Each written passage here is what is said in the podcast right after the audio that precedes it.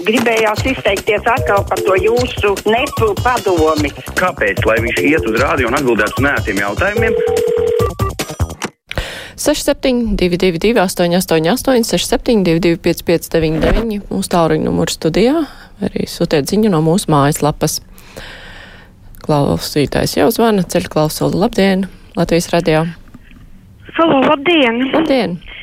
Man tāds pārdoms radās. Vakar preses klubā e, televīzijā izteica domu, e, kad mums ir e, nu, valsts padomis, ja, kurās nav īstie vajadzīgie speciālisti, bet, nu, politiski vajadzīgie cilvēki. Un tagad jautājums. Mums ir imunizācijas valsts padome bet tur nav neviena imunologa. Tur ir infektologs, kas ir tālu no tā, kas ir imunoloģijas speciālists.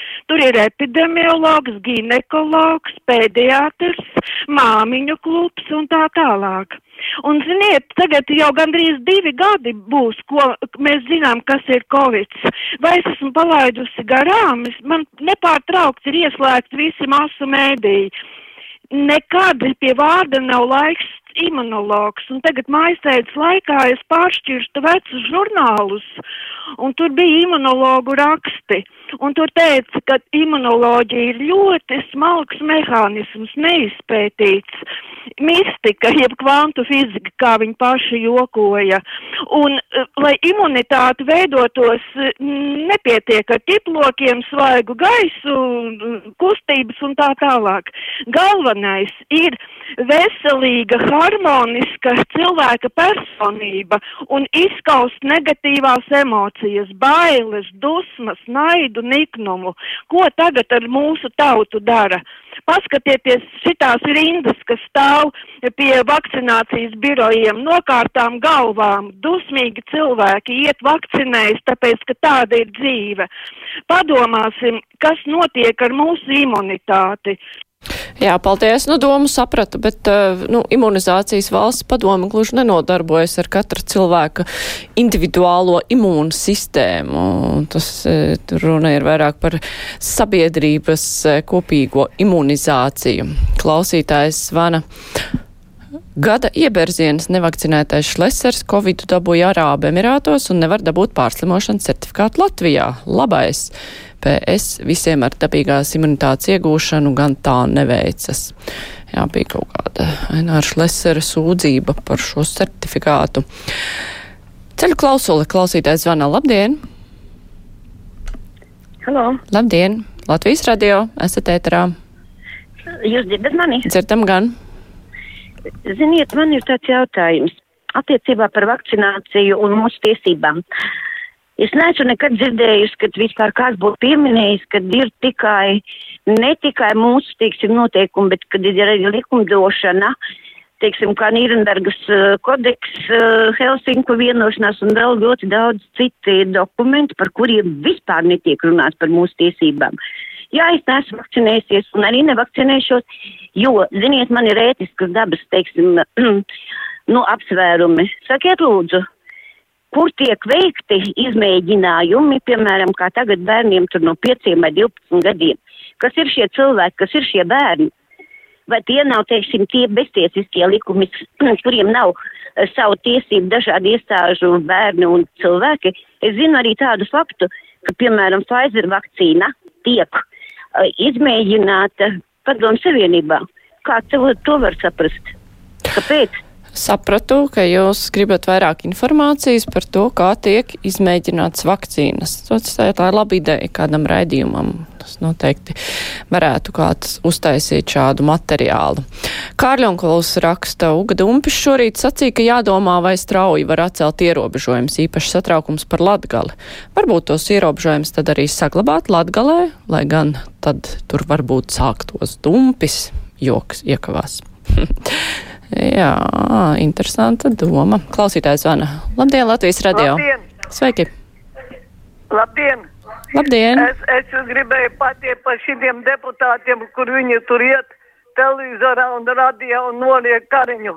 Lai kariņam ministram Dievs dot veselību ilgi nostrādāt, jo tik laba nav ministra bijis pensionāriem naudu piešķīra, bērniem piešķīra. Tagad bērniem pielika vēl naudiņu par elektrību iedos, un neviens mums nav iedeva zaļie kādreiz vēl noņēma pensijas. Lai viņam veselību Dievs dot, un jums paldies par klausīšanu. Nu, paldies, prieks, ka jums ir labi. Agnēs raksta, jā, interesanti gan, kurš to dara, ka jāvakcinējas, nesaprat pirmās zvanītājs vēstījumu, mīlam runāt par tiesībām, bet aizmirstam runāt par pienākumiem vienam pret otru. Savukārt Zigrīde ierosina Latvijas televīzijai sagatavot raidījumus par mākslas izstādēm Rīgas muzejos. Apmeklētāji netiek klātienē. Kādreiz tādus raidījumus gatavo, gatavoja Tatjana Suta, cik var rādīt atkārtojums. Atkārtojumos vienus un tos pašus seriālus. Ceļu klausulī, labdien, Latvijas radio! Labdien! Esat ēterā! Es jūs mazliet dzirdu. Nē, vairs nedzirdu. Kaut kur pazudu. Pastāvīgais klausītājs raksta, paldies par visu, ko darāt, vai nebūtu laiks atgriezt vecos ziņu džinglus, vai arī izstrādājiet kaut ko modernāku, jo šobrīd izklausās pišķiņu vecišķi. Jūs taču raidāt arī jaunajai paudzē, ne tikai senioriem. Piedodiet par konstruktīvu kritiku. Hm. Nu, paldies par kritiku, bet parasti jau tādas lietas var novērtēt arī pēc kāda brīža, pēc laiciņa. Vai nu tā iestrādājās, vai nu, neiestrādājās. Klausītājs zvana. Labdien, Latvijas Halo. radio! Sveiki! Labdien! Esat ēterā? Drīkstu runāt. Jā, lūdzu. Tagad ar to smaidu sejā, kas eh, kundze tur uztraucās par to, ka stāv garā rindā. Nu tā garā rinda ar smaidu sejā, lai iet uz vakcināciju. Kāda problēma? Un kariņam, lai veselība, un lai Dievs stāv klāt mums visiem. Paldies! Jā, paldies jums, eh, Vera raksta. Mārīte ar melīgu smīnu melš par kaut kādu sabiedrības imunizāciju, bet līdz galam neuzklausa zvanītāju, kura emocionāli pauž patiesību. Zvanītāja, kura pauda savu viedokli, eh, diezgan ilgi tika pie vārda, ilgāk nekā te daži citi runā. Klausītājs zvana. Labdien, Latvijas radio! Halo! Labdien! Tā, Linkait šorīt no rīta. Dzelzceļa strādājošo ir par daudz. Viss sakā šeit ir par daudz. Eh, Vai ierēģņu, ministru, deputātu, pagasta pārvalžu darbinieku nav par daudz. 4,5 tūkstoši mēnesī Pauļuts sola medmāsām, kad viņas sāks, kad viņas uzrunā, vai viņš tādu summu sola. Vakar runāja galvenā medmāsa Latvijas. Nu, es saprotu tā, manā skatījumā. Pēc šī raidījuma Pauļutam bija jāatkāpjas zibenīgi, ja viņam būtu kaut kripatiņa, kauna vai goda. Bet, diemžēl, šīs īpašības viņam nepiemīt. Paldies! Un paldies par jūsu viedokli. Viesturs eh, raksta, ka pirms raidījuma mums vajadzētu paskaidrot, ka šeit izskan cilvēku privāti viedokļi, kas nekādā gadījumā nav simtprocentīgi taisnība. Kāds var padomāt, ka zinātnieki zvana un dalās ar informāciju. Paldies, viestur. Varbūt tiešām ir lieku reizi jāatgādina, ka šis ir brīvais mikrofons, brīvi viedokļi.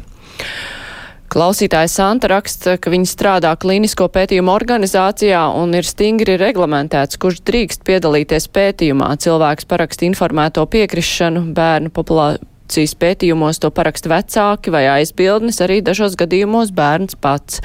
Visa dokumentācija tiek apstiprināta Zāļu valsts aģentūrā un ētikas komitejā. Paldies, Santa! Un vēl savukārt raksta daudz saka, ka vakcīnas nedarbojas. Darbojas gan, bet neviena vakcīna jau negarantē simtprocentīgu aizsardzību. Aizsardzību no 64 līdz 96% tas tak būtu jāsaprot. Tā mums vēl raksta, bet es celšu klausuli. Labdien, Latvijas radio! Dien! Sveiki! À, es gribētu teikt, ka Latvijā patreiz faktiski ir divas slimības. Nu, pirmais ir Covid, un otrs ir tāda masveidīga kritizēšana. Un, un, un tagad patreiz ir tāds triecienu vilnis apēst pauļutu pa visu varu, it sevišķi tāds uh, mediķu biedrības, ja. Labāk būtu apvienojušies, uh, kā meklēt risinājumu, kā tikt ar šo problēmu galā, nevis ņemt un visu pēc kārtas tik kritizēt un kritizēt. Mhm. Jā, paldies par zvanu. Klausītājs Lauris raksta, varbūt šiem dezinformācijas rādītājiem, radītājiem vajadzētu sākt sodīt vajadzētu sākt tos sodīt. Droši vien, iespējams, ja viņus sodītu, tad tas nekas tāds vairs neatkārtotos. Iespējams, ja viņiem uzlikt sodu, viņi vēl palaiž šo dezinformāciju, tad vajadzētu uzlikt sodu sociālajiem tīkliem, lai viņi nevar tikt iekšā, piemēram, Facebook. Tā raksta klausītājs Lauris. Ceļu klausulu, labdien, Latvijas radio! Labdien! Labdien! Šeit zvana pensionāre 75 plus.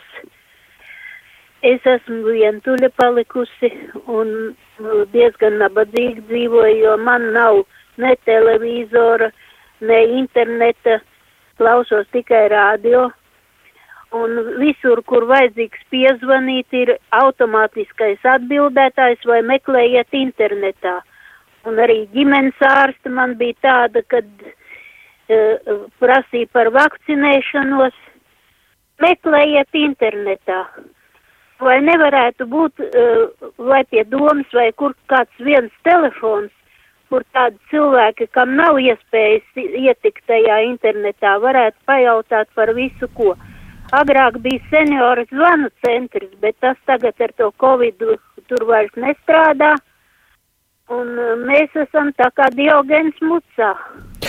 Ziniet, es domāju, ka jūs, tas, ko jūs saucat par automātisko atbildētāju, man šķiet, ka, ja jūs zvanat uz tiem tāruņiem, kas visu laiku ir norādīti, tie četri cipari numuri, uh, vai arī uz SPKC, kur sniedz visus atbildes uz šiem jautājumiem, tur vienkārši ir ļoti ilgi jāgaida savienojumi, jo ļoti daudz cilvēku zvana. Ir vienkārši jāgaida.